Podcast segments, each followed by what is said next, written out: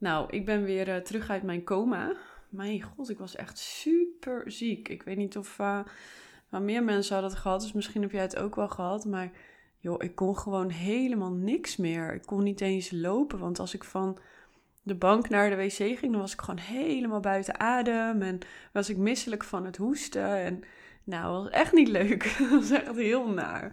Maar goed, ik hoop dat ik nu voor de rest van het jaar ook gelijk weer klaar ben. Want uh, ja, dit is niet leuk hoor. Maar ik hoor het van heel veel mensen, dus ik was niet de enige. En ik heb het ook in Nederland opgelopen, want gelijk nadat ik naar Nederland was geweest, kwam ik hier en was ik ziek. Dus waarschijnlijk heb ik het in Nederland uh, ja, gezellig opgelopen. En heb ik het hier naar Spanje gebracht. Want al mijn vriendinnen hier in Spanje zijn ook allemaal ziek geworden. Dus uh, ja, mijn excuses. maar goed, ik wilde vandaag weer even een podcastaflevering opnemen aan de hand van een gesprek wat ik vanochtend met een van mijn vriendinnen had. En dit is iets wat heel veel van mijn klanten ook doen. En dat is ook wel logisch, want in alle persoonlijke ontwikkelingsboeken en cursussen staat niet anders. Maar dat is als je zeg maar een, ja, hoe noem je het, een fout datepatroon hebt. Of dat je tussen aanleidingstekens de verkeerde mannen uitkiest dat ze dan meteen denken dat je een trauma hebt of dat je aan het saboteren bent of dat er van alles mis met je is.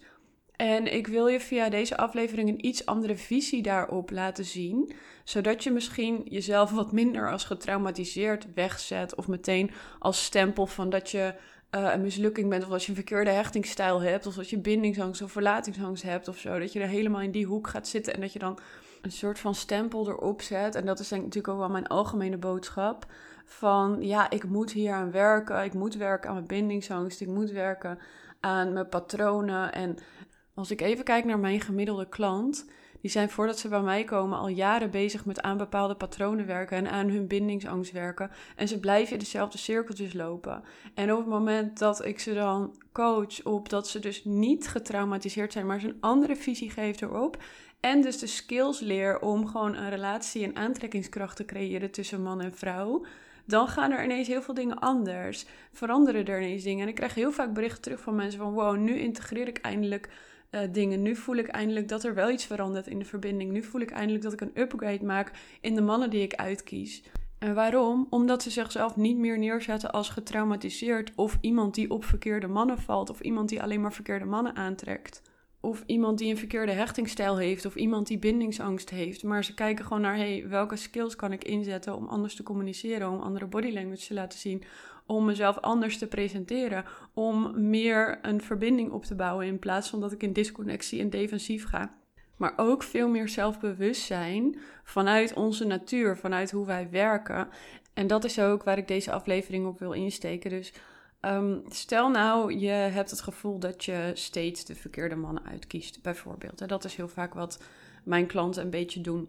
Dan wil ik je voor nu uitnodigen om eens een keertje niet te zeggen dat iemand emotioneel onbeschikbaar is, of dat jij steeds emotioneel onbeschikbare mannen uitkiest, of dat je vast bang bent om te verbinden, want je kiest elke keer mannen die in een relatie zitten. Maar kijk eens naar de natuur van man en vrouw.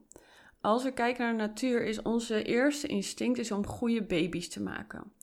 En goede baby's, volgens de natuur, komen uit mannen die sterk zijn, die dominant zijn, die intelligent zijn en die bijvoorbeeld ambitieus zijn, die dus heel hard werken. Mannen die voor hun missie gaan, mannen die karakter hebben. Dat zijn eigenlijk meestal de eigenschappen die wij als vrouw onbewust zoeken in een man. En als je kijkt naar de gemiddelde man die dominant is, die intelligent is, die goed leiderschap kan tonen, die ambitieus is, dan zijn dat ook heel vaak wel mannen die emotioneel wat meer distant zijn. dat emotionele komt namelijk in de natuur van de vrouw. Daar zorgen wij voor bij het kind. Dat is niet per se iets wat wij van nature in een man zoeken. Daar is zelfbewustzijn voor nodig om dat in een man te zoeken. En dus de meeste vrouwen die zoeken instinctief als eerste, volgens hun natuur, dus naar een man met bepaalde eigenschappen die niet per se gekoppeld zijn aan emotionele intelligentie. Dat is iets wat we met ons bewustzijn willen selecteren. Alleen om op bewustzijn te selecteren moet je uh, de discipline ontwikkelen om boven je instincten te staan.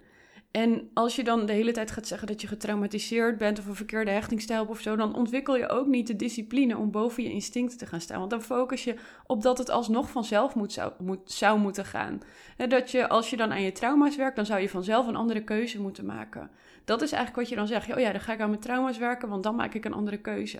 Dan ga ik dit en dit en dit aan van vroeger, van mijn moeder, van mijn vader. En dan maak ik wel een andere keuze.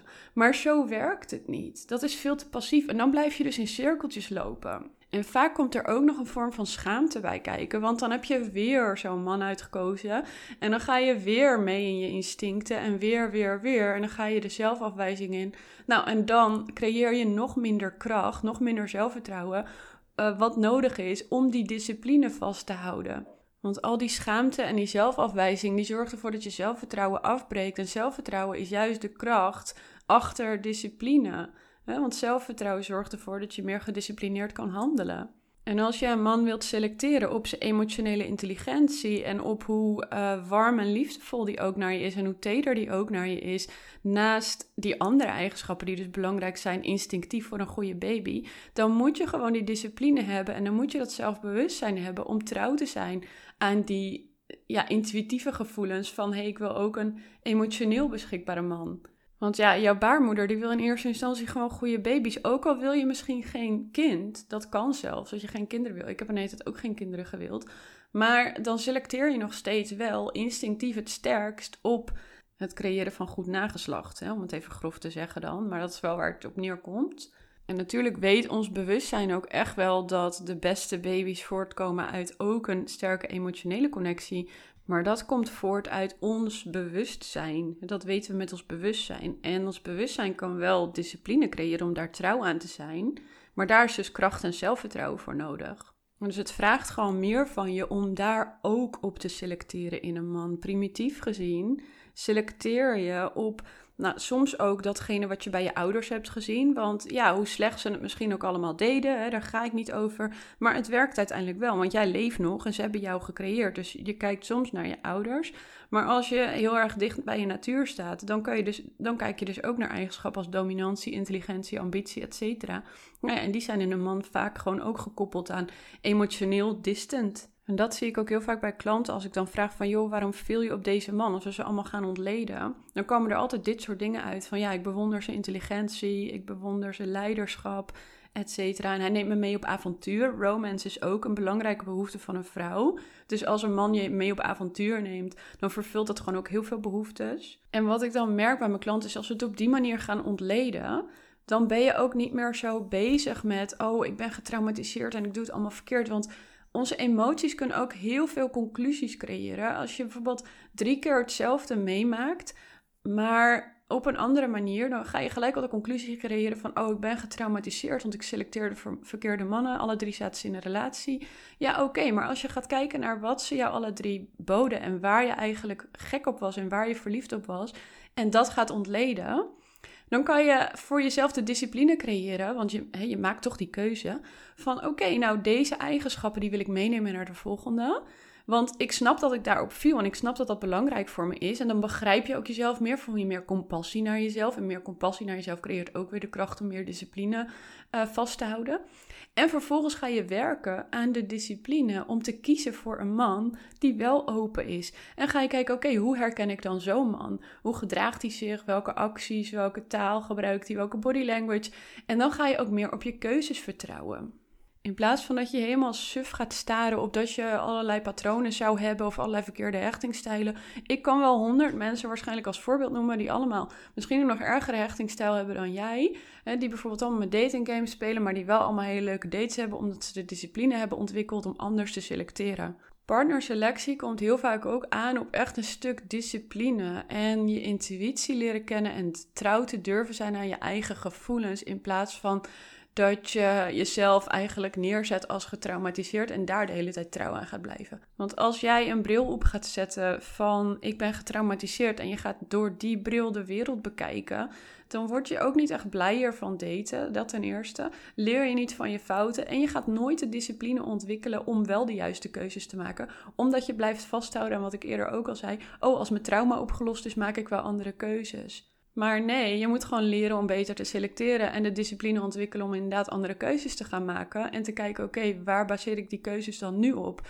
Leer van je verleden, oké, dit en dit en dit vond ik heel erg fijn aan die mannen. Dit en dit en dit wil ik absoluut niet meer. Oké, wat vraagt het van mij om de volgende keer een andere keuze te maken? Wij vrouwen zijn degene die selecteren en die kiezen. En als jij de verkeerde partner kiest, dat heb ik nu ook meegemaakt. Ja, dan heeft dat gewoon heel veel consequenties voor je. Maar als je daarna gaat denken dat je helemaal getraumatiseerd bent en dat als wereldvisie gaat creëren, ja, dat heeft nog meer consequenties. Want dan ga je ook nog een keer die keuzes maken en dan komt ook elke keer dat patroon terug. Dus daarom zeg ik altijd van ik focus niet op dingen als bindingsangst, hechtingstijl, et cetera. Ten eerste omdat ik veel te veel voorbeelden ken van mensen die ook allemaal slechte hechtingstijlen hebben, slechte opvoeding, allemaal shit meegemaakt hebben en toch een hele goede relatie hebben gecreëerd.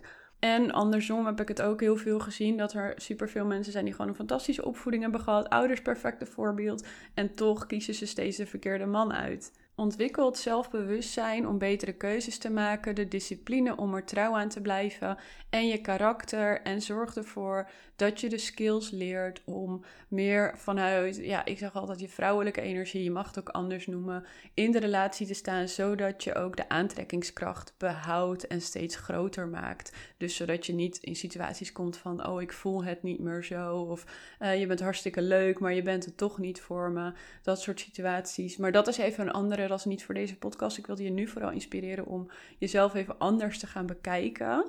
En ook je te laten inzien wat het risico is van jezelf bestempelen als getraumatiseerd, terwijl je dat misschien wel helemaal niet bent, maar dat je gewoon nog te trouw bent aan je eerste instincten en dat je meer bewustzijn mag creëren om trouwer te zijn aan je intuïtie en je bewustzijn. En dat vraagt iets anders van je. Het vraagt ook soms best veel van je, omdat je niet gewend bent om op die manier naar jezelf te kijken. Misschien nou ja, en dat is dus ook waarom ik mijn klanten op deze manier help. En het is niet altijd leuk om dit te doen, want discipline is niet altijd leuk. Maar het geeft je uiteindelijk wel de allerbeste resultaten en het geeft je echt verandering. En het zorgt ervoor dat je geïntegreerd gaat voelen in plaats van dat je alleen maar aan het analyseren bent en rondjes aan het lopen bent. Want dat krijg ik dus vaak van mijn klanten terug. Van nu voel ik eindelijk dat ik dingen aan het integreren ben en dat ik ook andere resultaten krijg. Nou, en als je eens in gesprek wilt over wat ik voor jou kan betekenen, aarzel niet om een gesprek in te boeken. Dit jaar ga ik gewoon weer lekker heel veel mensen helpen. Uh, ik ga weer een nieuwe groep starten in maart. Dus dat is ook een goedkopere manier om wel gewoon live door mij geholpen te worden. Er zit ook een één op één live dag bij als je daarin stapt. En dat gaat in een soort abonnementsvorm worden, waar je steeds weer kan verlengen. Dus dat je ook niet um, continu in een jaarprogramma hoeft te stappen. Want ik heb best wel veel mensen die ik dan geholpen heb in een groep. En die dan eigenlijk toch wat langer willen blijven, maar niet weer helemaal voor een jaar daarna.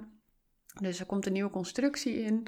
Dus allemaal leuke dingen. En ik blijf ook retreats geven dit jaar, omdat ik zo'n fantastische locatie daarvoor heb. Vlakbij het vliegveld van Malaga. Dus als je daar eens over wil hebben, boek vooral een gesprek. En dan kunnen we vrijblijvend en gratis, want de eerste call is altijd gratis erover hebben of het voor jouw situatie helpend kan zijn. En ik zie je graag weer in een volgende aflevering terug. Thanks voor het luisteren, liefhart.